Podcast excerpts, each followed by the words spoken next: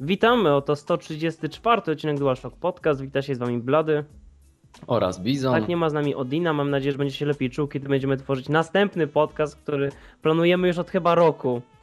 E, Oj tak. Niemniej długo myśleliśmy, jaki dzisiaj wybrać temat, jak, e, jak przygotować dla was materiał. Jednak pomyśleliśmy, okej, może lepiej zrobić pogadankę luźną, trochę w stylu poprzednio dobrze przejętego podcast Allah's Gone, więc e, przygotowaliśmy taki jeden duży temat, o którym będziemy rozmawiać, mianowicie serie, gie- serie gier, które e, w jakimś etapie się zaczęły potykać o własne nogi, turlać po schodach, spadać, łamać sobie kości, kręcąc kręgosłupy, wszystkie. E, I właśnie będziemy rozmawiać o paru seriach gier, m.in. o Assassin's Creed, Splinter Cellu, ale też i Uncharted, co nieco powiem o komandosach. Tak, Blady mówi komandosie! I będzie również Silent Hill. Mhm. I będziemy mówić też o jednej z serii gier, która jakoś się trzyma i nie daje się y, połamać przy kolejnych seriach i mimo, że ma naprawdę już teraz ponad 10 lat, to każda kolejna część po prostu trzyma fason. E, no ale cóż, może już utnijmy ten przydługawy wstęp i zacznijmy mówić, dlaczego w ogóle taki temat przyszedł nam na myśl. E, temat zasugerowałem ja, bo widziałem trailer Assassin's Creed 4 Black Flag. A myślałem, że cię zainspirował tekst, który miałeś e, dla mnie nagrać do sekretnego projektu. Nie, nie, nie. To wzięło się właśnie z Assassin's Creed, bo tak pomyślałem sobie, rozumiem co robisz Ubi. Naprawdę rozumiem. Assassin's Creed 3 był taki, o jakim mówiłem parę podcastów temu. Po prostu zawiódł moje oczekiwania praktycznie na całej linii i jedyną rzeczą, która jakoś tam błyszczała, to były te bitwy morskie, więc chyba nie tylko tak, nie tylko moja była opinia o Assassin's Creed trzeciej, trze o trzecim Assassin's Creed właśnie taka, ale się mieszam dzisiaj. To przez to, że za bardzo sobie pozwalamy dzisiaj na takie spokojne gadanie. Tak, i nie włączyłeś try- takiego trybu podcastowego. Tak jest. Więc pomyśleli sobie, skoro udało nam się zrobić fajne bitwy morskie, to dlaczego by nie zrobić całego Assassin's Creed w klimacie piratów? I, I po prostu to zrobili. I teraz kolejna część Assassin's Creed. Nikt nie wie dlaczego ma numerek w nazwie. Naprawdę, czy 50 lat wstecz i praktycznie niezmieniony gameplay, bo nie wierzę, że im w rok uda się zupełnie przemienić gameplay czy to już zasługuje na kolejną cyferkę? Właśnie my mówiliśmy zawsze o tym, że kolejne części asasynów powinny dostawać e, kolejne numerki, kiedy przeskakują z jednej epoki do kolejnej, albo kiedy zmienia się naprawdę zupełnie gameplay, kiedy dodane są nowe elementy. I jedynka do dwójki do trójki tak rzeczywiście było, ale dodawać czwórkę do części, która wydaje mi się tak naprawdę będzie trójką z bardziej rozbudowanym systemem podróży statkiem i tych bitew morskich. Znaczy ja myślę, że oni chcieli nas pogodzić z myślą, że to już nie będzie, jakby to ująć, bo wcześniej to było oczywiste, tak? Kolejny duży numerek to jest kolejny ważny etap jakby na drodze e, Desmonda, tak? Że ta jego wielka trylogia zmierza i tak dalej, i tak dalej, żeby Mhm. ukazać ten przeskok. I masz rację, mi się wcześniej to udawało, przecież mieliśmy ten i e, Brotherhood i Reve- Vengeance. e, Revelations. Revelations. Więc y, i wtedy to pasowało, tak? Wiemy, że robimy grę, która jest podobna do poprzedniej, wiemy, że nie zmienia się za bardzo setting, chociaż mi na przykład się bardzo podobał Rzym w Brotherhoodzie. Mhm. Y, Jednak jakby trzymali się tej myśli i chyba teraz chcą nas jakby pogodzić z tym, że tak, słuchajcie, gdybyśmy mieli się tego trzymać, no to już nigdy by nie mogli kolejnej części zrobić y, tej serii, ponieważ, znaczy w sensie nie nazwać jej numerycznie, no bo przecież Desmond skończył, skończył No. w trójce. Więc y, wiadomo, że ta historia już dobiegła końca, jakby cały ten wszechświat się zamknął. Ale też, też uważam, że to jest głupie, żeby dodawać tam cztery, bo to. Znaczy to jest. Ta gra jeszcze nie wyszła. Nie wiemy, czy to nie jest teraz tylko taki mm, dla uproszczenia, czy nieudany zabieg marketingowy, który jeszcze można poprawić. Ale wiesz, nie o to mi chodzi, bo ja za, zakwalifikowałem serię Assassin's Creed do tych upadających właśnie przez to, że od trójki ta seria idzie w dół w stronę bycia zupełnie nie Assassin's Creed. Assassin's Creed pierwszy to była ta gra o planowaniu zabójstwa. Jakkolwiek ona by nie była prosta i nie dłużyły się te kolejne questy, które wyglądały tak samo, to jednak ty czułeś się jak ten zabójca. Jednak dążyłeś do tej jednej wielkiej misji. Tak samo z Ezio. Ezio zawsze był tym zabójcą. Większość misji polegała właśnie na zabójstwach, czy też kierowała cię do tych zabójstw. Tak jak ja mówiłem w trójce, to ulega zupełnemu rozpłynięciu. Ty bierzesz udział w bitwach, pomagasz komuś tam, jeździsz gdzieś, a większość zabójstw albo sam w ogóle nie wykonujesz, albo kiedy już wykonujesz, to wykonujesz je idąc po sznurku, tak jak zaplanowali to twórcy, i nie masz żadnej satysfakcji, nawet chociażby tyci tyci z tego, że w końcu ubijasz ten cel, bo wszystko jest zaplanowane z góry jednym skryptem. No ciebie strasznie zabolała trójka i między innymi to właśnie jak y, ta swoboda, czy choćby jej iluzja, która wcześniej była w grze, została odebrana. Jak najbardziej, bo wiesz, to jest. To był ten element, kiedy Assassin's Creed poprzednio miał. Powiedzmy, że dwójka. Ona miała dość otwarty świat i dość otwarte misje. I ja myślałem, że będziemy zachowywać te proporcje, że z każdą kolejną częścią nie dość, że będziemy powiększać świat, to nadal zostawimy misje, które dają jakieś pole do popisu. Mamy przecież tyle gadżetów do wykorzystania, przecież Ezio ich miał od groma. Tutaj już Conorowi trochę je obcięto, Dobrze ale mimo wszystko. dużo. Ale ja tej linki, którą ma Connor tam, że można zawieszać kogoś pod drzewem czy coś, ja tego nigdy nie używałem w tej grze, bo nie było po co. I te misje nigdy nie dawały ci okazji, żebyś mógł to robić tak naprawdę i żeby to miało jakiś sens. I tak myślę, że kiedy Assassin's Creed 4 Black Flag okazuje się bardziej, przynajmniej teraz tak wygląda, symulatorem, symulatorem pirata niż, e, niż symulatorem asasyna. Wiesz, po prostu boli mnie to, że gdzieś ta seria traci swoją tożsamość. Ona gameplayowo może wygląda trochę jak Assassin's Creed nadal, nadal możemy biegać ci się wspinać, ale gdzieś powoli wytraca no, ten, ten cały pęd zabójstwa, tak, że my przechodzimy z jednego zabójstwa do drugiego, y, odkrywamy jakieś intrygi, które, wiesz, wiodą nas przez tą, przez to credo asasynów, gdzie w ogóle podział się ten klimat, przecież Ezio, to było bardzo fajne w Brotherhood, że przecież Ezio prowadził swoje bractwo i ono miało jakieś ideały, ono o coś walczyło, to nie była tylko prosta zemsta, nie? Mhm. Ja uważam, że to była naprawdę bardzo fajna gra, jeżeli chodzi o Brotherhood, właśnie z tego względu, że ona jakkolwiek nie rozbudowywała dobrze bractwa tego, wiesz, y, rozporządzania kolejnymi asasynami, ich rekrutacją, o tyle to credo asasynów i cała idea organizacji była bardzo fajnie przedstawiona. To znika. Tego nie ma. Znaczy, jakieś tam jakby pozostałości są, tak? Opowiadałeś o tym. Jednak no, pozostałości. y, ja na przykład, jakby ktoś do mnie podszedł i powiedział, słuchaj, w kolejnej części, powiedzmy, cofamy się w czasie. Turlu, turlu, turlu, turlu. Używam animusu. Cofamy się w czasie. Ktoś mi mówi, słuchaj, Blady, w trójce nie będzie takiej typowej, zamkniętej jakby formuły, która była do tej pory przez tyle części. E, Odchodzimy od tego, teraz będzie trochę urozmaicone, trochę będziesz bardziej fabularnie, trochę będziesz bardziej podróżował. Ja bym powiedział, o, dobry pomysł, tak? Wziąć znaną nam mechanikę, ją trochę pozmieniać, żeby jakby się wyrwać z tej, mm, z tej struktury. Jednak to, jak wiele możesz zabrać, zanim to przestanie być jakby tym, tym czymś, tym, czego oczekujemy od gry. I właśnie to jest problem zarówno z filmami chyba, tak, i również, że Mhm. mamy kolejną część, która albo za bardzo chce być oryginalna i odstaje od klimatu jedynki na tyle, że traci swoją osobowość, a innym razem gra zbyt łatwo, zbyt przewidywalnie i też nie potrafimy jakby widzimy, tak, że jesteśmy po prostu ukamywani, ktoś odcina kupony. E, Ty mówisz, że Assassin's Creed upada. Mi się Black Flag podoba, tak? Ja nie uważam, że to jest Ale złe. nie! I jeżeli Ja na przykład tak. jeszcze, znaczy ja nie widziałem na przykład nawet tego teasera, który wyszedł. E, Widziałem tylko parę screenów, które wyciekły, mimo że tam Ubisoft ponoć bardzo ostro kara teraz pracowników za jakiekolwiek przecieki z firmy. E, Jednak mi się podoba, jeżeli nie będzie animusa, to już w ogóle będę najszczęśliwszy, bo mnie nigdy nie obchodziło to, co się dzieje poza animusem. E, I może najwyższa pora, żeby jakby się pożegnać z tym kawałkiem żelastwa, ponieważ jeżeli na siłę zrobią, o, teraz jego przodek, który pływał na statku, to coś tam, no, kogo to będzie obchodziło? Poza tym nic bardziej nie wyrywa z klimatu, niż właśnie tak cię cały świat zaczyna rozpadać. O tym Angry Joe mówił, że te przejścia przez biel, kiedy po prostu dostajesz ataku epilepsji od tej ilości światła. Czym ja grałem na Mhm. projektorze w środku nocy, wiesz, to jest naprawdę jasny ekran w Asasynie, kiedy cię wyciągają z tego świata. Niemniej e, ta seria na pewno upadła i straciła jakby to, to o co w niej chodziło.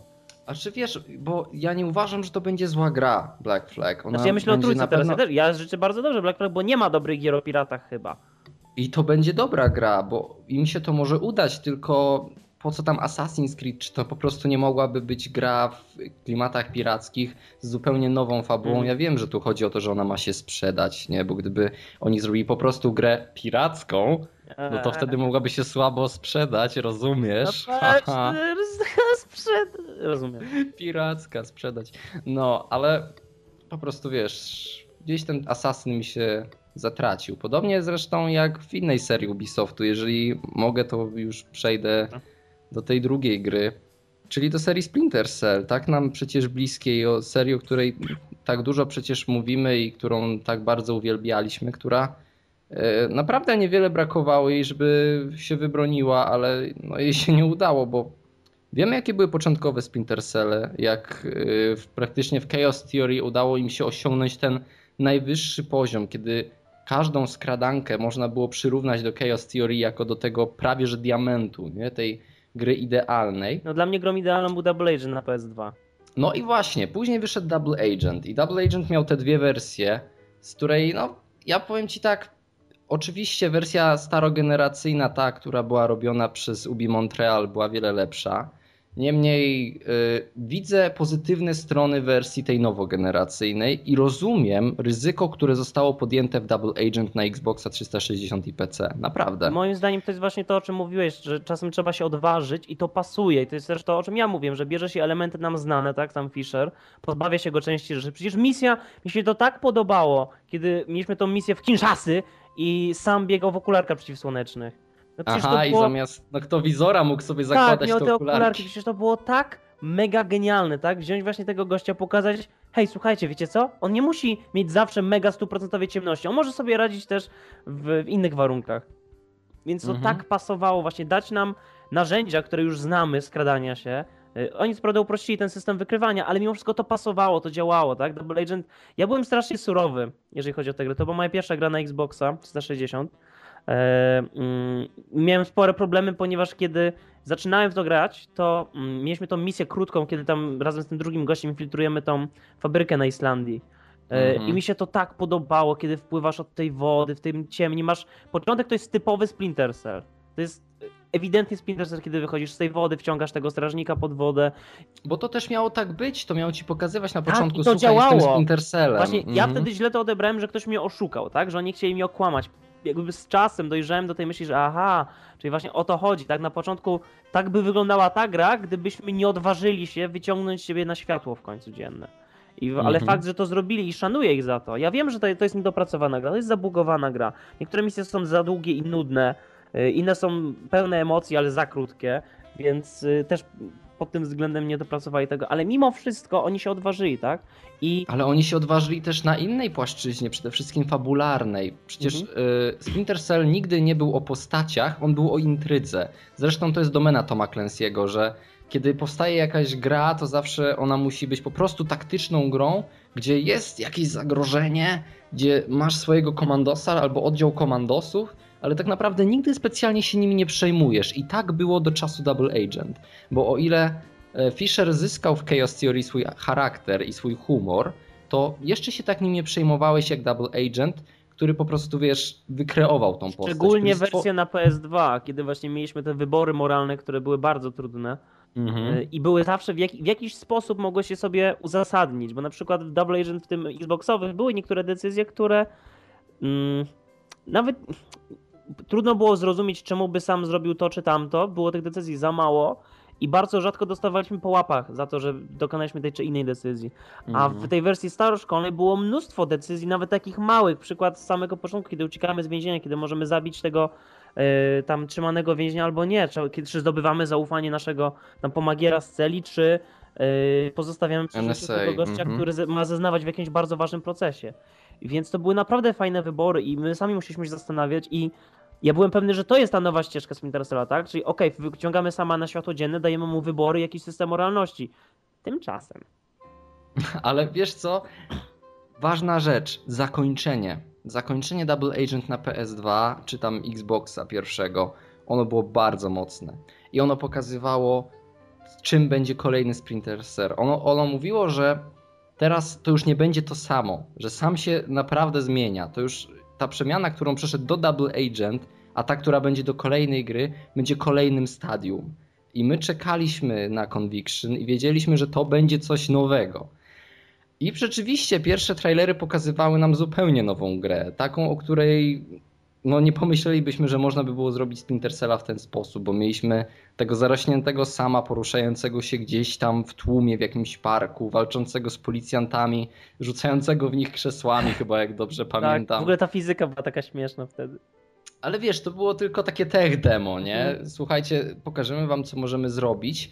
Yy, Ja pamiętam, że wtedy mi to nawet klikało. W sensie mogłem zdzierżyć, że to będzie taka odskocznia, ale mimo wszystko cieszyłem się na wiadomość, że Conviction jednak się zmieniło. Może inaczej, cieszyłem się, że jednak powstaje. Że to inna gra, ale nadal powstaje. Ale co trzymaliśmy ostatecznie w Conviction, Blady? Pam- a, A przepraszam, był kiedyś, był kiedyś e, spoiler alert, który trwał 3 godziny i wylądował w koszu. tak, kiedy siedzieliśmy po prostu z, w niesamowitym upale, kleiły się nam jajka, to było, to było straszne po prostu. Było niesamowicie gorąco, gadaliśmy przez 3 godziny, omówiliśmy cały Conviction. Z, w trójkę omawialiśmy wtedy. Mhm. Dobry Jezu. Znaczy z jednej strony się cieszę, że nikt tego nigdy nie usłyszał. z drugiej by teraz nam jakby ułatwiło robotę, byśmy po prostu odesłali ludzi. Conviction jest moim zdaniem mm, symbolem wszystkiego, co jest złe, jeżeli chodzi o, o serię, o franchising ogólnie gier komputerowych.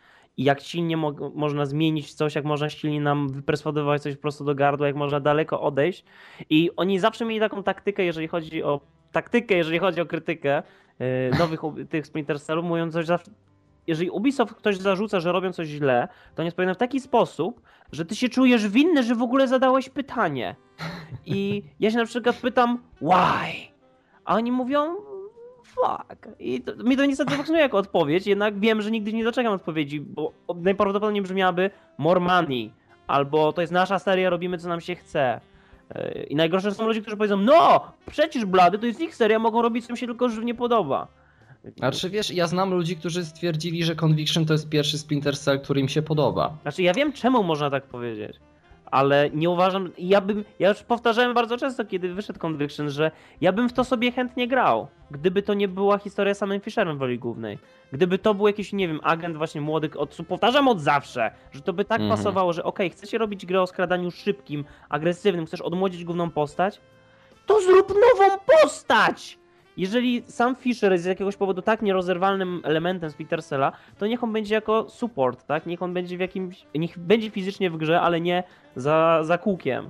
Nie. No ale on jest też tak wyeksploatowany w tej grze i kończy się na tym, że on jest maszyną do zabijania, która przechodzi z jednego jakiegoś pomieszczenia do drugiego, tnąc wszystko na swojej drodze, ubijając tych biednych ludzi, którzy wiesz, w innym Splinter Cellu mógłbyś ich po cichu wykończyć albo zupełnie ominąć. Tutaj musisz, po prostu musisz ich, ich wszystkich powystrzelać. On każdego zleje po mordzie i koniec końców ten bar, ta bardzo fajna rzecz, która była w Double Agent, czyli moment, w którym zacząłeś przejmować się samym, bo on pokazał tą swoją ludzką stronę.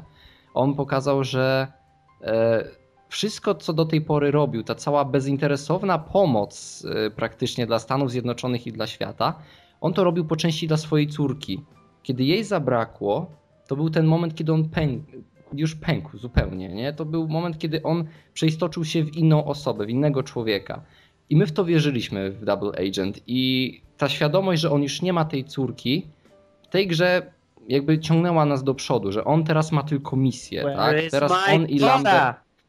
On i Lambert. I teraz ciekawy twist był w tej wersji PS2 Double Agent, bo tam on się zakochiwał, więc wiesz, tutaj pojawiła się druga osoba, na której zaczynało mu zależeć. No ale dobra. I teraz mamy Conviction i okazuje się, teraz już chyba możemy robić spoilery z Conviction, jest tyle czasu. Okazuje się, że Lambert kłamał. Że Sara żyje. Znaczy, ja wiem, czemu Lambert by to zrobił i szanowałem akurat to w Conviction, bo wiele osób mówi, że nie, on by nigdy tak nie zrobił. Oni walczyli o dobro całych Stanów. To, że okłamał w dość poważny sposób sama Fischera, no właśnie dlatego on w to uwierzył, bo to Lambert powiedział mu. Ale wiesz, kiedy na początku Splinter Cella jest właśnie w Double Agent, masz tą cutscenkę CGI, gdzie sama wprowadzają do więzienia, tam wtedy narratorem jest Lambert i to Lambert sam nam mówi o tym, że Sara nie żyje. Więc wiesz, według mnie nigdy nie było, przed Conviction nigdy nie było wersji, w której Sara żyje. Według mnie to jest coś, co zostało później dopisane. Tak, tak, to był taki cop-out poniekąd. E, Nie wiem po co. Też Nie co. wiem. Znaczy nie, może właśnie po to, żeby uzasadnić powrót sama do, do NSA. Bo gdyby nie to, to co by go trzymało tak naprawdę? Bo już zemsta się No właśnie. skończy i dziękuję, pozamiatane. Niczym go nie przekona. Ale widzisz, lepiej by było, gdyby sam nie wrócił do NSA, bo to koniec końców skutkuje tym, że będziemy mieć kolejnego Splinter Cella. A, jak A ja nie wiem, czy ja chcę kolejnego. I Ja nie wiem, czy ja chcę jak kolejnego. ten Ja... filmik jeden z pierwszych, kiedy e, Ironside przekazywał pałeczkę i mówił, jakim dobrym gościem jest ten nowy aktor. Przecież to jest. Drugi raz w życiu byłem tak obrażony, kiedy widziałem ten filmik, co Kojima kazał przepraszać swoim pracownikom za z Metal Gear Revengeance. Pamiętasz? Mm, Nie. Ten filmik, nie oglądaliśmy, ja ostatnio o tym opowiadałem Odinowi, on też nie pamięta, więc może nie oglądałem tego z wami. E, Wyszedł może filmik, nie. gdzie... Nie no, śmieliśmy się z tego, że Kojima uratował Rising. No ale to był filmik? Tak, jest cały film paradokumentalny, kiedy pracownicy y, Kojima tak, Productions rzeczywiście. że nie dali rady, że niby nie potrafili tego zrobić jak. Pamiętam. I, Mhm, I tak. drugi raz, jak się tak obraziłem, to właśnie było, kiedy Ironside siedział przed kamerą z tym swoim zawsze pełnym uśmiechu wyrazem twarzy. Przecież on wygląda jak połączenie Williama Defoe z y, tym, z... o kim myślę? Jackiem Jackiem Nicholsonem. Nicholsonem, o tym też ich myli. E, Więc... I on mówił, że "Eh, it's a good kid. A ja tak, no to skoro jest taki fajny, to czemu się ciebie pozbywa? Nie, po prostu, ah, to było tak, to był taki strzał w mordę, bo jeszcze przy Conviction można było mieć przyjemność, bo tam są fajne sekcje skradania się szybkiego i podoba mi się to, jak się przyjmuje cover, jak się przeskakuje, jak, jakie to jest szybkie. Oczywiście nie pasuje w ogóle do świata, w którym są jakieś prawa fizyki, ale mimo wszystko y, odejść tak daleko po prostu, ile Splinter możesz odjąć, zanim przestaniesz jakby kupować kłamstwo, że to dalej Splinter Cell, bo to już No właśnie. oni mogą mówić i pokazywać, że patrz, to możesz nikogo nie zabić, to możesz się skradać. E, Słyszałem, że jest ten tryb purysty i czytałem recenzję gościa na Distractoid, którego wysłano, nie Kotaku, Kotaku, Distractoid chyba. Wysłali yy, i oni grali w taką mega alfa wersję, A to Kotaku było, tak, Kotaku? też to czytałem. E, Mhm. Bardzo fajny zresztą materiał, bardzo dobrze napisany, w którym on opisuje właśnie granie na trybie normalnym, gdzie możesz gwizdać i zawsze przeciwnik podejdzie do rogu i zawsze możesz go złapać. Ja wiem, że tak było też Double Agent, ale mimo wszystko e, jakby czasy się zmieniają, ale jeżeli ten tryb purysty faktycznie będzie, to dalej nie jest sam Fisher. Nawet ten koleś z Kotaku powiedział, że on sobie nie zdawał sprawy, jak ważny e, był ten głos dla Fishera, że Mhm. jeżeli odbierzesz to, to ta postać nie istniała, bo ona byłaby naprawdę płytko napisana, więc nawet jeżeli wprowadzili ten element dramatyczny z córką i zaraz go rozwiązali, to znowu wróciliśmy do takiego status quo. Ja czytałem książki z Pintercella. O, Wszystkie. ja nawet nie wiedziałem. Ale już wiesz. Więc czytałem książki z Wintersella. Pierwsza jest niesamowicie bolesną, ale bolesną, ona jest fizycznie bolesna do przeczytania i nie tylko dlatego, że strony się zacinają na palcach, ale fizycznie cierpiałem, kiedy przewracałem te strony, ale że mam taką naturę, że musiałem i tak skończyć. Pierwsza część była okropna, ale następna, Szachmat bodaj się nazywa yy, i później Fallout, to są w porządku książki, które, znaczy w porządku, to jest ten rodzaj literatury, ja wiem czego się spodziewam, kiedy kupuję taką książkę. I pod tym względem dostawałem to, co chciałem, ale, ale, tam właśnie wychodziło to, że jak czytam te teksty, te monologi sama, które są bardzo ważne przecież, bo nie sprawi zawsze sam, to ja potrzebowałem pamiętać, jak, jak on wygląda. Ja potrzebowałem pamiętać, jak on się odzywa, żeby jego ten ironiczny stosunek w jakiś sposób, bo on w książce nie był tak dość wyraźny. Ale mi pomagało, kiedy myślałem sobie o Ironside, kiedy myślałem sobie y, o tym, jak on wyglądał jak ten człowiek niedźwiedź Double Agent. Więc i to pomaga, to pomaga budować te postacie. Więc jak odbierasz ten głos i odbierasz tego niedźwiedzia, no to naprawdę niewiele tam już zostaje. Więc to jest kolejna właśnie z tych serii, która naprawdę dostała po mordzie. Ale widzisz, właśnie seria zatoczyła koło, bo moment, kiedy pojawił się Double Agent, on pokazał, możemy zrobić grę, w której dokonujesz wyborów, gdzie one mają znaczenie. Później Conviction to zupełnie przekreśliło, a oni zamiast się naprawić i zrobić cokolwiek, to skasowali praktycznie wszystko. Oddali mu córkę, sprawili, że on znowu jest posłuszny, on wrócił do roboty, jeszcze dodatkowo jest teraz szefem, który wyrusza na misję. Tak, nigdy tego nie lubiłem. Yy, właśnie jeżeli jest tak, mam mega. yy, To, że, yy, chyba pierwsza gra, gdzie mi to naprawdę przeszkadzało, to był Ojciec Chrzestny na PS2, pierwsza część. Jestem mega donem w najdroższym garniturze, ale sam muszę infiltrować bazę wroga. Yy, znaczy wiem, że tak ktoś powie Mass Effect Shepard, ale nie, that's not the point. Yy, a właśnie, a propos Mass Effecta, nie wiem czy wiesz, ale teraz, yy, wiesz, bo czytałeś ten sam artykuł, teraz mi że będziemy mieli tą latającą fortecę, misje poboczne, robienie jakby lojalności Mhm. dla tych swoich ludzi. Oczywiście jak ja słyszę tego typu teksty jak latająca forteca, robienie lojalności i misje poboczne, to automatycznie krew zaczyna mi ściekać do mózgu i trafia gdzie indziej. Jednak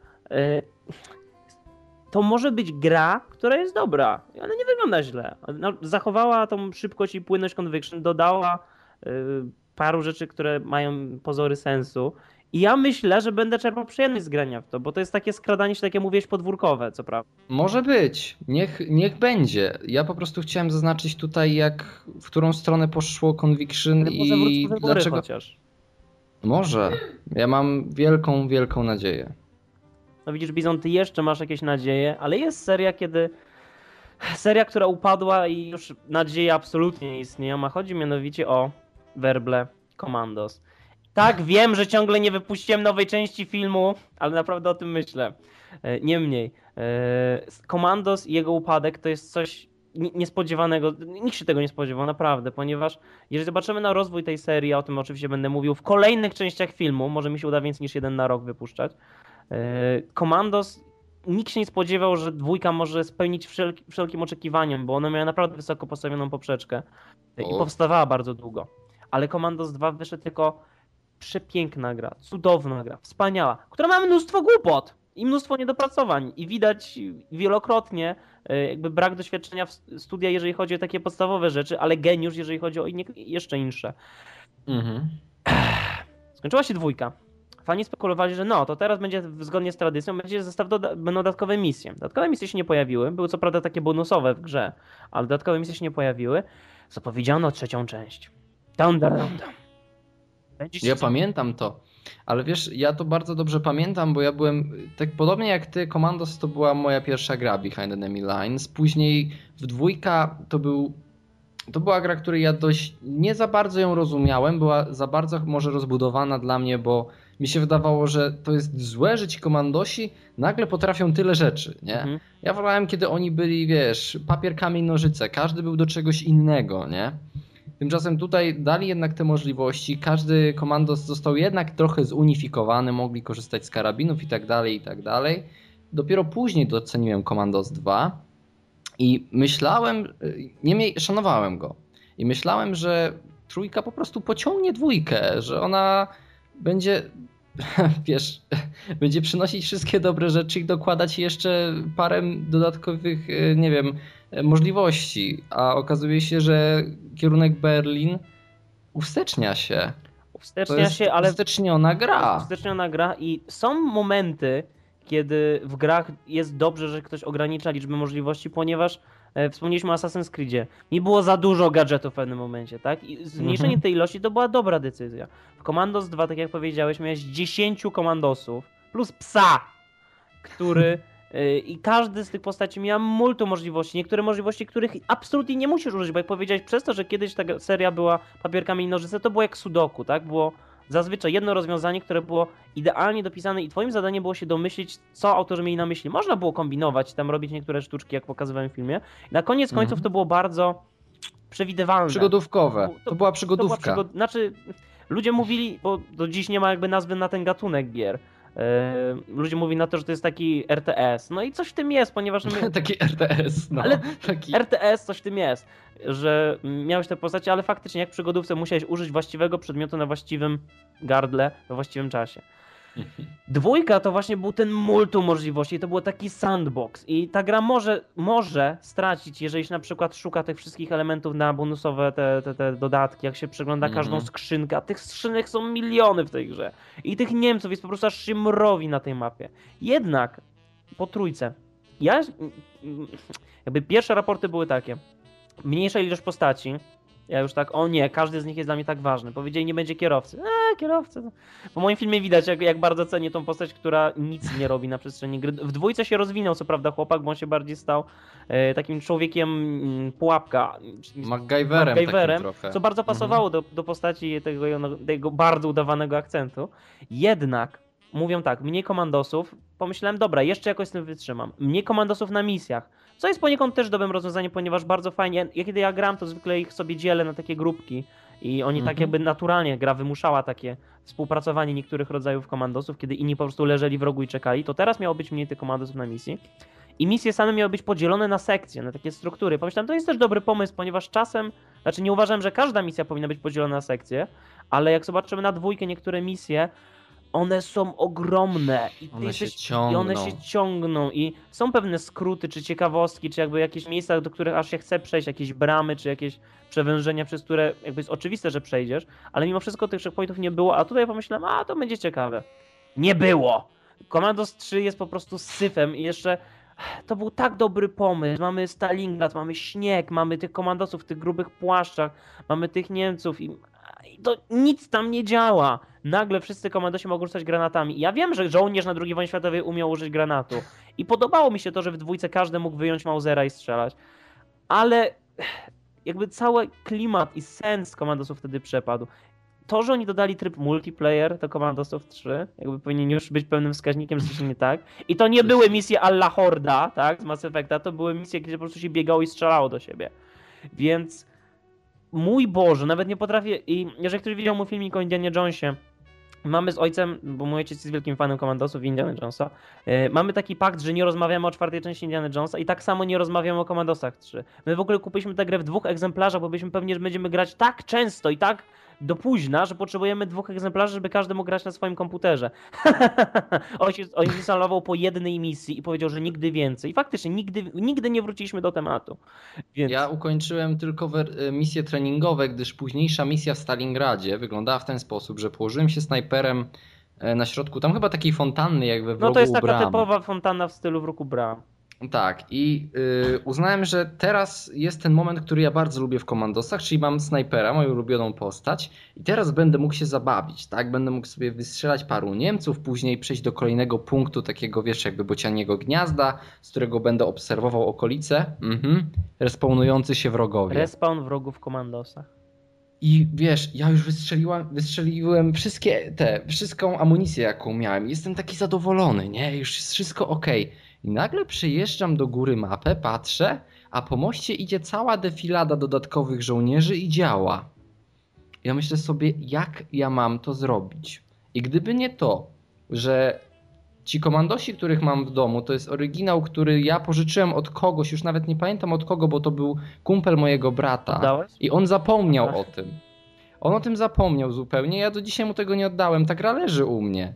Ja, ale ja nie wiem, czy on ją chce odzyskać. Ja się nie dziwię, że nie chcę. Ja też bym chciał zapomnieć jak najlepiej. I właśnie po- powiem ci, ja chciałbym, żebyś widział moment, w którym mój ojciec wybrał granat u snajpera i rzucił granat w tłum Niemców. Oni się rozlecieli na setki kawałków, a po chwili się zespawnowali nowi.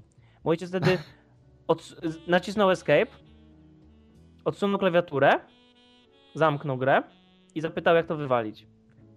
Ale wiesz, są elementy w grach, które są nierozłączne praktycznie z nimi. I ja z komandosami łączyłem skróty klawiaturowe.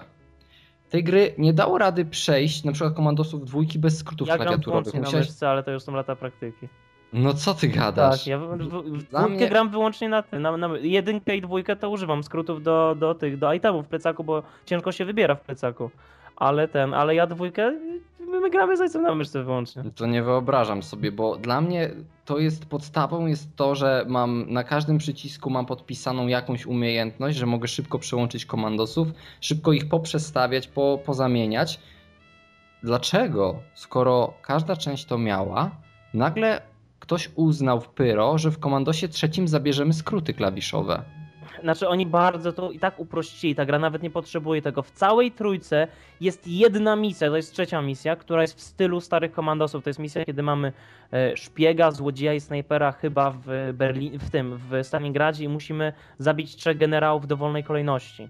I to jest bardzo fajna misja pod względem takiego klimatu, tak? Bo wtedy myślimy, o, to jest Commandos 2, tylko że z lepszą grafiką, z troszkę zmienionymi zasadami gry i tak No nie wiem, czy lepszą grafiką, bo gra ma jedną rozdzielczość, A, to, 800 tak, na to 600. jest prawda. E, Znaczy, kiedy ona wyszła, to mi się podobała, więc. e, Ale też nie, przepraszam, masz rację, ponieważ mimo, że dwójka nie miała najlepszej grafiki na ziemi, to ona miała mnóstwo detali, jeżeli chodzi o animację na przykład postaci, czy jak otwieraliśmy skrzynki, czy jak otwieraliśmy e, jakieś drzwi zamknięte, to było bardzo ładnie animowane. Ale I, wiesz, same lokacje były inspirujące, że się chciało patrzeć na nie. Mieliśmy tą Birmę, mieliśmy e, przecież te piękne dżungle i mieliśmy jakieś tam zimne porty, więc w trójce mamy Ale tylko rozdzielczość śnieg. jest ważna w komandosie, bo od tego zależy, jakie duże masz pole widzenia tak naprawdę. I ograniczenie nas do 800 na 600 pikseli w takiej grze ogranicza nam pole widzenia, więc yy, nasze planowanie taktyczne po prostu zaczyna się pomniejszać, bo nie wiemy, co jest za rogiem. Mhm. Dlatego dla mnie to już było ogromnym utrudnieniem. Już całkowicie nie mówię o tym, że respawn wrogów i to wszystko sprawia, że Commandos 3 jest cholernie trudną grą. jest cholernie trudną i zupełnie niesprawiedliwą, między innymi właśnie przez to, jak się spanują ci wrogowie. I jakiekolwiek, tak jak mówiłem wcześniej, pierwsza, do, pierwsza część i dodatek, one były doszlifowane tak, żebyś miał zawsze to co prawda było zazwyczaj jedno rozwiązanie, ale ono, jak na nie wpadłeś, to miałeś takie, aha, a teraz w trójce, jeżeli jakimś cudem o, o, zostanie ci 1% życia i koniec końców jakoś upadają te trupy i uda ci się przebiec dalej, to ty nie robisz haha, tylko ty robisz Boże, jak, jak, to się, jak to się udało. I poniekąd ja myślę, jeżeli spojrzymy, że mamy misję na plaży Omaha, w ogóle kto wysyła elitarnego zielonego bereta w, W barce. w barce, kiedy te barki dookoła wszystkie wybuchają, masz naprawdę elitarnego komandosa, który dowodzi, nie, nigdy nie podobało mi się, że to zielony jest dowódcą, ale no dobra, zielony jest dowódcą e, i on jedzie na pierwszą linię uzbrojony swoją koszulkę. No po prostu to jest tak niedorzeczne i masz takie, w ogóle jest jedna misja, która mi się bardzo podobała, e, jakby chodzi o sam klimat, kiedy zielony beret jest na pociągu, tak? To jest fajny klimat, bierzesz najniebezpieczniejszego człowieka na II wojnie światowej, daje mu, dajesz mu nóż i zamykasz Niemców w metalowej puszce, gdzie on się rozpędza z nożem, tak? To jest, to jest, to jest w porządku. Ale jeżeli masz całą grę opartą o takie niedorzeczne sekcje, kiedy nie wiesz co robić, kiedy gra cię każe za to, że próbujesz, że masz w ogóle czelność próbować kombinować w grze, która się opiera o kom- kombinowanie. Dobry Jezu. Ja nie chciałem, żeby trójka to było po prostu o, więcej lokacji, więcej komandosów, więcej broni, bo to byłoby zbyt przewidywalne. Yy, Ale, ale ża- żałuję, że w końcu tak się nie stało. Ale widzisz, to jeszcze dobrze by było, jakby Commandos tak, tak się skończył, ale to nie był koniec serii Commandos, bo wyszedł jeszcze Strike Force, którego ja już patykiem nie ruszyłem, ale słyszałem, że ty miałeś okazję grać i może pokrótce powiedz mi, o co chodzi. Nie wiem. Ja patrzyłem na tę grę i nie wiem. Ja, ja się uważam za inteligentną osobę, ale nie, nie wiem.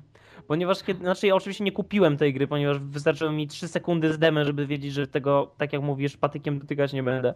Jednak kupiłem antologię komandosów i tam ktoś z dobroci serca dorzucił tego Strike Force'a. No to myślę, fuck it, skoro gramy we wszystkie części, no to równie dobrze mogę pokazać ojcu, jak wygląda ostatnia. Zainstalowałem i mówię, no wiesz, to jest coś w stylu Commandos, ale teraz bardziej jak Call of Duty, bo mój tata lubił patrzeć jak gram w United Offensive na e, multiplayer, więc myślałem, że jak połączmy dwie gry, które lubi, więc może on nie zobaczy jak archaiczna i przedpotopowa jest rozgrywka i po prostu doceni, że to jest Commandos w świecie Call of Duty. To nie jest Commandos w świecie Call of Duty. Mamy trzech komandosów, którzy faktycznie nazywają się Sniper, Szpieg, no i Zielony Beret, tylko że to nie są ci ludzie, są inne głosy i aż się sam denerwuję na samą myśl o tym, jak bardzo można było to zepsuć. I jeżeli obedrzemy z tego wszystkiego komandos, to ktoś powie, no, to masz koniec końców FPS, w którym możesz się skradać. Fajnie. Nie fajnie, tam nic nie działa. Masz rzucanie nożem, które nie działa. Masz tak wiele elementów, które są połamane i popsute. Moment, w którym mój, mój tata przestał chcieć w ogóle na to patrzeć, to był moment, kiedy mieliśmy taką sekcję, gdzie chyba 10 wrogów jest ustawionych plecami. Nigdy się nie odwraca. Oni są wszyscy zawsze plecami ustawieni a mm, szpieg podchodzi i każdego po kolei z nich usypia chloroformem. I, my wie, wiemy, że w Commandos 2 czy w jedynce są oczywiście Niemcy, którzy stoją i się po prostu patrzą w przestrzeń i, i, my do nich po- podchodzimy im od pleców. O to chodzi w tej grze, ale kiedy dasz widok z pierwszej osoby i to i masz jeszcze bardziej teraz pasuje to określenie, którego użyłeś przy mówieniu o skradaniu się w Conviction przy którymś tam podcaście, że to jest takie podwórkowe skradanie. Że to jest takie, jakbyś powiedział, dobra kolego, nie dobra, nie odwracajcie się teraz, ja się skradam. I to tak, Tak. wygląda, że ci Niemcy, przez to, że masz tą perspektywę pierwszej osoby, to ty nie wierzysz w to, co się dzieje na ekranie, ty tego nie kupujesz. A jak właśnie, jeszcze wcześniej był moment, w którym zielony beret strzela z dwóch Thompsonów jednocześnie. No. Więc zielony beret może strzelać z dwóch Thompsonów jednocześnie, snajper rzuca nożami e, i szpieg, oprócz tego, że szpiedzy e, i szpieguje, to on posiada gaz jakiś bojowy, nie wiem, to jest cyklon B, ale możesz rzucić e, fiolkę z gazem, który od razu zabije wszystkich Niemców, a ty sobie przechodzisz masę przeciwgazowej obok. Pomijam głupotę, że rzucasz cyklonem B w Niemców, ale strasznie się śmieliśmy z sekcji na samym początku gry, kiedy mamy uwolnić jakiegoś radiooperatora. Jest chyba członek francuskiego ruchu oporu, coś takiego. Znaczy ja wiem, że to jest e, oksymoron francuski ruch oporu, ale wchodzimy do stodoły, gdzie Niemcy zmuszają go do pracy przy radiu. To jest takie, o, pracuj, pracuj! Oni są oczywiście zwróceni plecami. E, Wiercą mu tym MP40 po, po, po czaszce i ja tak wszedłem i myślę, okej, cyklon B, zabijemy wszystkich w pokoju. I rzuciłem cyklonem B. Wszyscy Niemcy od razu umierają, a na szkole się odwraca po hej, co słychać? Bo oczywiście on, na niego cyklon B nie działa, albo po prostu on wciąga tak dużo tabaki, że, y, że go ochroniło. Już się uodpornił, Się już ma szczepionkę. Więc to jest tak głupie, to jest tak słaba gra. A jeszcze moment, kiedy bierzemy Panzerfaust. Okej, okej, okej, okej. Podstawowa rzecz, tak? Robisz grę FPS w realiach II wojny światowej, w którym strzelasz z broni. Co robisz? Sprawdzasz, jak wyglądały i działały te bronie, prawda? Błąd! Pyro dało Panzerfausta, jednorazową broń, gdzie rurę robiono pod koniec wojny z tektury i przeładowujesz wkładając nowe głowice do Panzerfausta i sobie tak chodzisz, masz chyba 10 głowic do niego. No, niedorzeczne, po prostu ta gra zawiodła na tak wielu poziomach. Ja jestem, ja, ja chciałbym, ja jestem, ja chcę zaklaskać, ponieważ oni całkowicie zabili ostatnią nadzieję ludzkości, że jeszcze Komandos może powrócić. I teraz Pyro jest nikim, oni upadli. Oni w międzyczasie zrobili jeszcze bardzo dobrą moim zdaniem strategię, chociaż nie jestem wielkim fanem strategii, tak Pretorians bardzo mi się podobało. Yy, oni teraz robią jakie, chyba jedną grę, ich strona w ogóle nie jest aktualizowana od lat, robią jakąś jedną grę na Wii. I, więc pewnie już chyba nie robią i nigdy nie zrobili.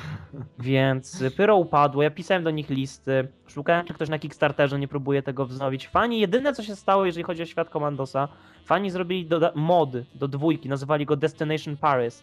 Bo trójka się nazywa Destination Berlin, to był taki żart, Mhm. podwójka, Paryż, ha, ha, ha. I ogólnie oni tam zmienili parę rzeczy w grze Rozmieszczenie Strażników, podnieśli bardzo wysoko poziom trudności, dodali nowe zdolności. I tyle, Komandos nie żyje, jest oficjalnie martwy. A jeżeli w tej chwili na przykład ktoś powie, blady, czy nie wiesz, że powstaje gra, ponieważ Pyro zebrało pieniądze na Indiegogo i tworzy nową część, to ja najprawdopodobniej bym y, padł na serce z radości, że, że Komandos wraca, ale jeżeli to miałoby być Strike Force, to ja wolę, żeby ta seria leżała w grobie. No, chyba wszyscy byśmy woleli. I teraz pozwól, że powiemy jeszcze o dwóch seriach gier, tylko już może nie aż tak rozwlekle, jak te poprzednie gry omawialiśmy. I pozwól mi, że ja powiem o serii, o której ty raczej nie masz wiele do powiedzenia, więc to może będzie bardzo, A to poglądam moja- sobie głupie koty w internecie. Nie bardzo moja krótka wypowiedź. Mówię tu o Silent Hill. I Silent Hill zepsuł się z bardzo prostego powodu. Silent Hill to nigdy nie była gra o walczeniu z potworami. To nigdy nie było tak, że Silent Hill robił to bardzo dobrze. O ile jeszcze było to do zdzierżenia w e, pierwszym Silent Hillu, o tyle w drugim i w trzecim ta walka była po prostu słaba. No i nie ukrywajmy, nie można powiedzieć, że to, że ta walka jest słaba, to jest jej atut, bo tak stara się to tłumaczyć Jachci na przykład. On bardzo lubi Silent Hilla drugiego i uważa, że to, że walka jest słaba jest atutem, bo sprawia, że ty się boisz. W sumie tak I jak ty w się- prezydentach. Tak, i ty się boisz podjąć tej walki, bo wiesz, że jesteś w niej nieporadny, ale to nie jest ze względu na to, że twoja postać jest, tylko po prostu takie jest sterowanie, taki jest model walki. Niemniej, ja uważam, że z czasem można by było zrobić model walki, który jest sprytny, ale jest wymagający. Można byłoby z tym pójść dalej. Tymczasem kolejne Silent Hill, które pokazywały się już po Room, czyli Homecoming, czyli ten teraz Downpour i te wszystkie rzeczy, które wychodzą, oni się gdzieś zagubili. Wiadomo, że to już nie robi e, Team Silent, czyli, czyli ci ludzie, którzy od początku maczali palce w serii i potrafili zrobić coś dobrego. To jest przykre, bo Silent Hill 2 dla mnie jest e, no takim diamentem. To jest gra, do której ja mogę usiąść zawsze i ona ma to jest trochę jak, jak u ciebie z Mass Effectem drugim. Ja zauważam masę błędów w tej grze i wiele można by było poprawić pod względem gameplayu, ale to jej drugie dno, ta fabuła, to wszystko sprawia, że ty po prostu chcesz w to grać. A grałem w Silent Hilla trzeciego, nie wkręcił mnie w żaden sposób, zupełnie, zupełnie mną nie poruszył, denerwował mnie gameplay grałem w to tylko, żeby poznać fabułę. Ostatecznie się zawiodłem. Jaki był Silent Hill 4 The Room, widzimy w nas to kręci, Mm. które nagrałem z żabą. Naprawdę, przepra- Konami powinno przeprosić za, za to, jak wygląda rozgrywka w tej grze, bo Odin mówi, że tam jest bardzo dobra fabuła i ja wierzę, że ona może się jakoś rozwijać, ale to się nie da grać.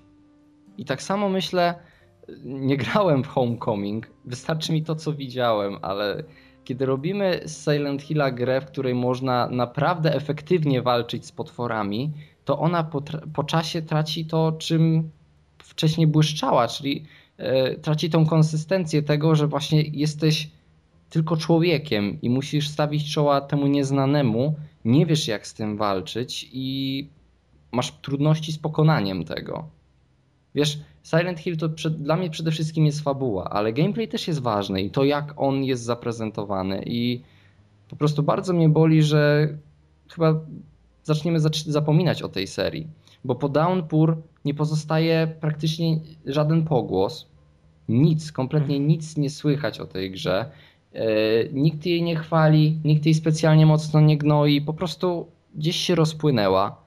Na PlayStation Vita powstaje to Book of Memories, czy coś takiego, czyli ten Silent Hill Diablo praktycznie, że masz widok Tak. z góry i walczysz ze swoimi kumplami.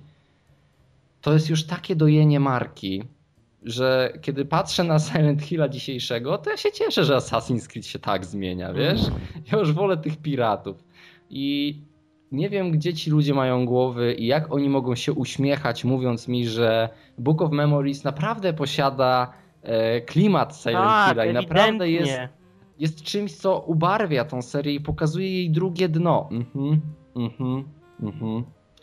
Nigdy już nie doświadczę takiego chyba głębokiego przeżycia, jakim był e, Silent Hill 2, takiego psychicznego horroru, ale takiego, który oddziałuje właśnie na twój umysł. I nie oddziałuje dlatego, że tam są jakieś mary, że ty się boisz stwora, który gdzieś tam jest i na ciebie czyha, ale zaczynasz się powoli bać samego siebie tak naprawdę w tej grze. Ona, wiesz, robi z tobą niesamowite rzeczy, a nigdy już tego nie doświadczę, bo ta, tak uważam. Ta gra wyszła 12 lat temu i dzisiaj trudno mi znaleźć inną grę, która wpływa tak mocno psychicznie na mnie, jak Silent Hill 2 i no kolejne gry po prostu potwierdzają, że Silent Hill się skończył i nie robi go ta sama firma, nie, robi, nie robią ci go ci sami ludzie, nie ma tej muzyki Akiry Yamaoki. Silent Hill się skończył i to jest, to jest smutne. Ale nie martw się, może będzie reboot, w którym mm, obudzisz się na wyspie i będą piraci, którzy będą próbowali zgwałcić główną postać? Ale widzisz, oni próbowali z Shattered Memories chyba tak to się nazywało, tak? Ta część, która wyszła na Wii, której mieliśmy... Jak ja w to chciałem Ri- zagrać. Tak, tak, tak, tak, tak. Ja niestety już nie mam PS2, żeby zagrać tą wersję PS2. Bardzo chciałem na to polować. Cholera jasna, zapomniałem. Mogłem jeszcze poczekać dwa miesiące ze sprzedażą PS2 i jeszcze w to zagrać. Ale wiesz, to była. To był reboot praktycznie, zupełnie nowe wyobrażenie świata Ale Silent z Hill. z jedynki. Tak, ja rozumiem takie podejście, nie? Rozumiem, że można zrobić tego typu reboot i on podobno był bardzo fajny i zmieniał podejście do gameplayu, nie było tam walki, więc y, dało radę zrobić coś ciekawego z tą serią jeszcze. Ta gra wyglądała naprawdę dobrze i też e, chyba pokazywała, że oni jeszcze wiedzą o tym elemencie psychologicznym, ponieważ na mnie zrobiło wrażenie to, że pewne sekcje w grze się zmieniają w zależności od tego, jaką my mamy osobowość, że to jak gramy, Mhm. co robimy, kształtuje, bo to oczywiście wiemy, że Silent Hill no poniekąd rozgrywa się w głowie. Więc Mhm. y, to właśnie pojęcie o świecie zmieniało się w zależności od tego, jacy my jesteśmy jako gracze i gra próbowała jakby czytać nasze emocje, czym się kierujemy. E, Więc y, to był bardzo fajny pomysł i jakby pokazywało, że oni jeszcze wiedzą o co chodzi. Nie. Nie, już teraz nie, naprawdę. Koniec. I przykro mi, bo wiem, że pewnie jest jeszcze na stronie wiele osób, e, które no, cenią sobie Silent Hilla drugiego. Przecież mój Silent Hill, mój, moja wersja PS2 powędrowała do Grabczasa. Grabczas teraz ma mojego Silent Hilla dwójkę, którego tak uwielbiałem. To było moje podsumowanie. Dobrze, więc e, Blady, ostatnia seria, o której powiemy dzisiaj i to jest teraz twój temat. Tak jak ja mówiłem o Silent Hillu, teraz proszę, ty będziesz mówił o Uncharted. Ja lubię Uncharted, lubię pomysł na grę, uwielbiam, to nie jest nic nowego, Indiana Jonesa, więc jakby klimat, hej, weźmy Tommy Driver, Indiana Jonesa, połączmy to z chodzącym modelem bielizny i sprawdźmy, czy to się uda. I dla mnie Uncharted 1 to nie była świetna gra, nie wiem skąd ona zebrała tak wiele, dobry, tak wiele wyśmienitych ocen, jednak Ona mnie znudziła. Ja miałem PS3 w domu i przeszedłem Metal Gear 4. Myślę, o Jezus, jest jeszcze Uncharted, jeszcze pogram, póki mam konsolę. Znudziła mnie. Uncharted to była pierwsza gra, w którą grałem na PS3, ponieważ e, chciałem jakby trochę rozgrzać konsolę, zanim włożę płytę z Metal Gearem 4. I Uncharted miał parę fajnych pomysłów. Ja wiem, co nie chcieli osiągnąć tą grą, ale ta gra lśniała tak naprawdę tylko w momentach, kiedy dokonywaliśmy eksploracji, kiedy przeglądaliśmy jakieś ruiny, kiedy spinaliśmy się na jakieś skały. Samo strzelanie na mnie absolutnie nie robiło wrażenia, ale gra i wszystkie achievementy w niej były związane z tym, ile headshotów i, i shotgun, więc kiedy pokazałem koledze, który nie jest konsolowcem i on mi powiedział, no pokaż Uncharted, bo to jest taka właśnie... On lubi, jeżeli gra jest czysto konsolowa, tak? Więc e, mówi, pokaż Uncharted, bo słyszał, że takie fajne. I mówi, co to jest? Ja mówię, no poszukiwasz przygód, coś jak Tom Driver, tylko że z kutangiem, a nie z, Nie Stitz, a nie z no. Titsami. Więc odpalamy Uncharted i jedna z pierwszych rzeczy, miałem jakiś moment, kiedy wisiałem na krawędzi, strzeliłem jakiemuś przeciwnikowi w głowę i gra mi wyświetliła takie wielkie 10 headshotów. To on powiedział, o Gears of War to jest? Bo po prostu ciężko było aż zrozumieć, że można aż tak bardzo zepsuć klimat, nagradzając za strzelanie w głowę. I wiem, że to jest błąd, który teraz popełnia ten nowy Tomb Raider, który wyświetla na pół ekranu XP za to, że zabiłeś kogoś maczetą. No ale y, sama fabuła, którą opowiadał Uncharted, ludzie ciągle cenią tą fabułę, ja nie wiem za co. Postacie są bardzo, ale to bardzo stereotypowe. I oprócz tego, że są fajnie zagrane i nie można ich nie lubić, to ta gra nie miała tak wiele. Jednak dwójka była bardzo przyjemną przygodą. Mi się podobała dwójka niesamowicie, miała śliczne lokale. Była całkiem porządnym kawałkiem gry, bo tam chyba, chyba aż 10 godzin w nią grałem, szukając wszystkich jakichś tam pierdółek i znajdziek. Miała parę rewelacyjnych sekcji i jakby to było to poczucie kina przygodowego. Nadal było mnóstwo strzelania, ale mnóstwo strzelania. Przeciwnicy z tarczami, fanfal, i granatnik, i headshot, snajperka, ale było to poczucie podróżowania po świecie, było to poczucie zagrożenia, były te wielkie mapy w stylu Indiana Jonesa, które, gdzie musimy jakąś tam odnaleźć wzgórze, bo w Nepalu jest jakaś ukryta jaskinia i my musimy rozwiązać szereg zagadek, ponieważ nie można wlecieć helikopterem od góry y, do tego miejsca. Jest tylko jedna brama do środka. Więc to jest takie typowe kino, takie przygodowe, taki film, który sobie oglądasz z uśmiechem głupim na twarzy.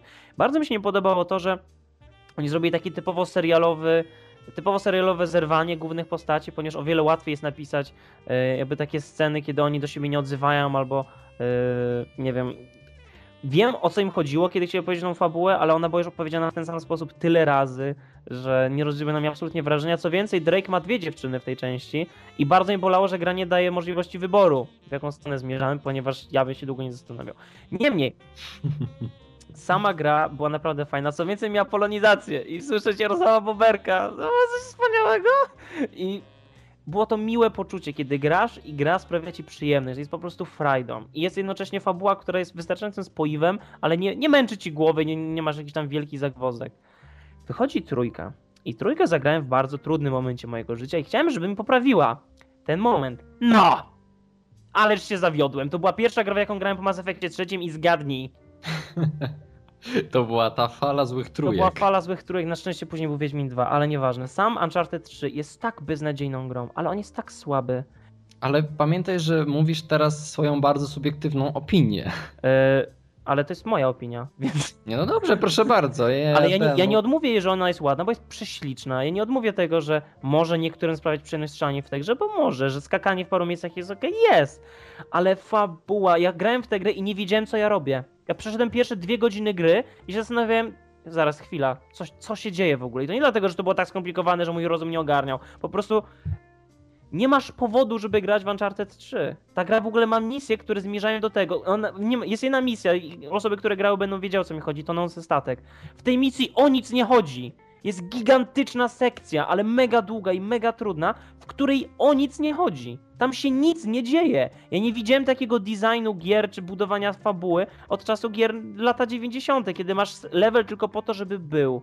I po prostu jest czasem padding w grach, nie? Jakieś tam sekcje, kiedy idzie przez kanały, to się dłuży, bo oni musieli sztucznie podbić, ile się gra w grę. Ale tu chyba były 3 godziny z 10 godziny gry, które nic, nic nie osiągają. Samo zakończenie gry jest tak absolutnie nie bezsensowne. Oni chcieli koniecznie w, dołożyć taki element, nazwijmy, hmm, dramaturgii. Chcieli zbudować postać Sullivana, który był bardzo taki niedoceniany przez dwie gry i oni robią jakieś flashbacki, kiedy on jest młody i że on jest, zna tą babkę, ona jego, ona chce go zabić. I to jest tak zagmatwane, że i zakończenie znowu jest tak łatwo się pisze scenariusze, w których nie pokazujesz związku między postaciami, a jednak Drake i Elena to są naprawdę świetnie zagrane postacie. Uwielbiam tych aktorów.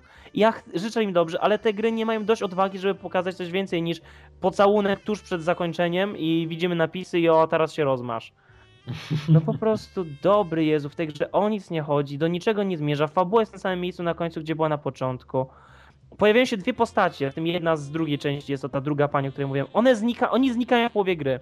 Oni po prostu, oni opuszczają scenę i nigdy nie wracają i nikt o nich nie mówi. To jest po prostu wypisanie kogoś ze scenariusza. Jest tylko powiedziane, że o, oni są teraz w innym miejscu. Już. Aha. W połowie. Ale wiesz na co ja liczę? Naughty Dog ma to do siebie, że oni na każdą generację konsol Sony wypuszczają nową serię gier. W sensie The zupełnie... twoją teorię. The Słucham? Last of Us psuje twoją teorię. No, dobra, okej, bo tutaj zrobili The Last of Us, ale chodzi mi o to, że teraz PlayStation 4 dostanie grę, która nie będzie ani Uncharted, ani The Last of Us, tylko jeszcze czymś kolejnym, co będzie budowało swoją własną serię na przestrzeni całego PlayStation 4, tak jak właśnie było z Uncharted na PlayStation 3. Ja bym chciał Uncharted, które by wykorzystywało moc, moc PS4, żeby oni zrobili na przykład wielkie świątynie, gdzie możemy się wspinać, gdzie się nam podoba i docierać do celu, jak się nam podoba. Ja bym chciał widzieć wielkie, zalane wodą jaskinie, które są oczywiście doskonale oświetlone, w których moglibyśmy przemierzać, bo to ma potential, ale ja się boję, że nawet jeżeli powstanie kolejna część Uncharted, to znowu będzie strzelanie za osłon, znowu będzie regenerujące się zdrowie, będą przeciwnicy z tarczami, z granatnikami. Przecież ja w tej grze, ja jestem dobrym graczem, ja ginąłem setki, setki razy. Ta gra ma taki, tak powolny, ślamazarny gameplay, którym się przyklejasz za osłonę, że to absolutnie psuje poczucie przyjemności. Ja ci mówiłem, że ja przechodzę Uncharted na easy, bo to jest jedyny, Mhm. jedyny sposób, żeby czerpać przyjemność z grania, żebym nie miał w ogóle... Masz grę o tym wielkim zawadiaku, to jest zawadiaka poszukiwacz, a on nie może przebiec od osłony do osłony, nie dostanie przynajmniej trzy razy w pysk? No, aż się chce czasem wybiec, żeby mieć przyjemność, chce się podbiec pod ścianę, wybić gdzieś, przeskoczyć za gościem, tu tego poddusić, tu się wdać w pojedynek na pięści, ale ty się boisz normalnie, ponieważ gameplay jest napisany tak, że o, build dom, przyklejcie się do osłony i zabijcie wszystkich, locust. To jest to samo. I Mhm. więc boję się, że gdyby wyszła kolejna część, to byłoby o, zobacz, teraz możesz przez przycisk share dzielić się z momentami, kiedy odstrzeliłeś głowę temu poszukiwaczowi przygód. Ale nie, mi się wydaje, że oni teraz po prostu zrobią nową serię i mam nadzieję, że nie będzie to seria gier realistycznych z realistyczną grafiką, bo ja bardzo lubiłem Naughty Dog z tej strony bardziej kreskówkowej, tej właśnie takiej polegającej bardziej na wyobraźni niż na tym, co już zostało zrobione, a co możemy dopracować i co rozgrywa się po prostu w naszym codziennym świecie, po prostu takie wiesz, tak, właśnie tak jak było Uncharted. Ja mam nadzieję, że The Last of Us też będzie takim może jednym wybrykiem. Być może zrobią sequel na PlayStation 4, no zobaczymy. Ale ja naprawdę bym chciał, żeby Naughty Dog pokazało nam coś zupełnie nowego i żeby znów nas zaskoczyło, bo Uncharted mimo wszystko było zaskoczeniem na PlayStation 3, bardzo miłym, bardzo fajnym ekskluzywem. I no po prostu liczę, że oni pokażą coś nowego i coś odkrywczego przede wszystkim, bo ich stać, bo oni już nieraz pokazywali, Oni mają talent, że ich stać. muszą chyba trochę odnaleźć gruntu pod stopami, żeby się teraz odbić i stworzyć kolejną dobrą serię na, na PS4. Okej, więc może skończmy już ciągłe narzekania. Na pewno tutaj jest więcej takich serii gier i prosiłbym, żebyście w komentarzach, drodzy słuchacze, to wpisali. Tak, mieliśmy wszystko skończyć Mass Effectem, ale No to chyba oczywiste, Blady- że nie będziemy. ja naprawdę chcę pójść jeszcze dzisiaj spać. Jest 20, mu- musielibyśmy skończyć o trzeciej w nocy albo później. Więc skończmy z narzekaniem. Na pewno jeszcze słuchacze dopiszą w komentarzach jakieś serie gier, które się nam zepsuły. Ale powiedzmy chociaż o jednej serii gier, która jako tako się trzyma, której mimo przejścia przez już teraz y, chyba trzy generacje, nie no, dwie generacje konsol, ale też no, duże, ale to duże korzenie ma ta gra, bo ona ma już 13 lat, ta cała seria. Nadal udaje się utrzymać w szpicy, nic się w niej specjalnie nie zepsuło i ci fani, którzy grali w pierwszą część, nadal będą grać w tą, która wychodzi teraz, która już wyszła. A mowa tutaj o serii Hitman.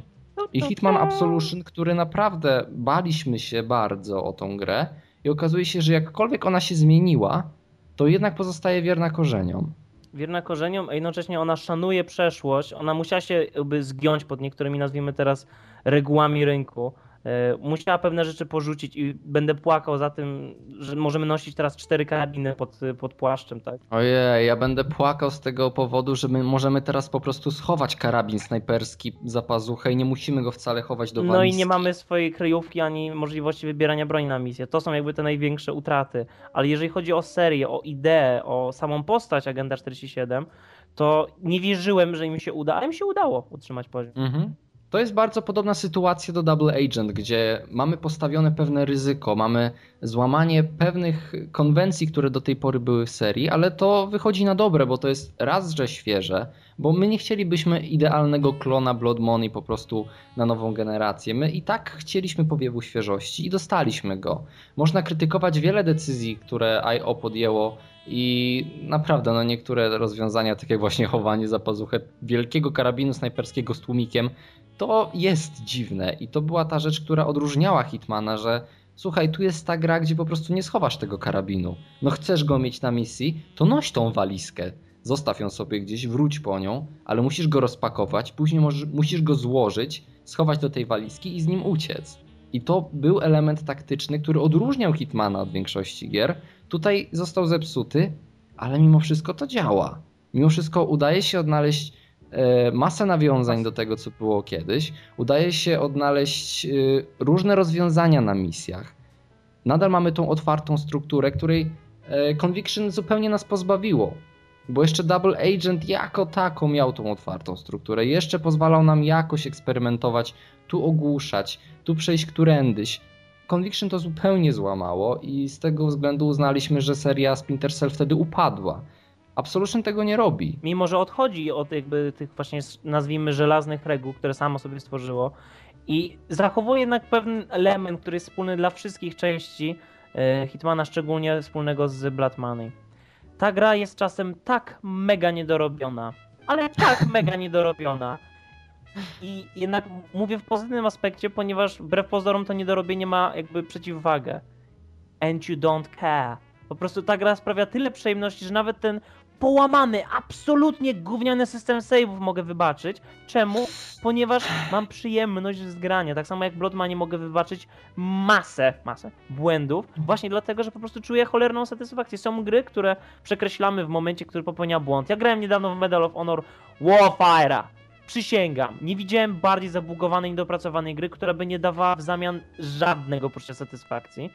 A mimo, że w Absolution mamy naprawdę wiele głupich rzeczy i debilnych pokazówek i dziwnych misji, kiedy musimy robić jakieś głupoty, ale co z tego, skoro koniec końców jest naprawdę dobra gra. Mhm. I ona robi też coś nowego, bo wprowadza, tak jak Double Agent, wprowadza osobistą fabułę.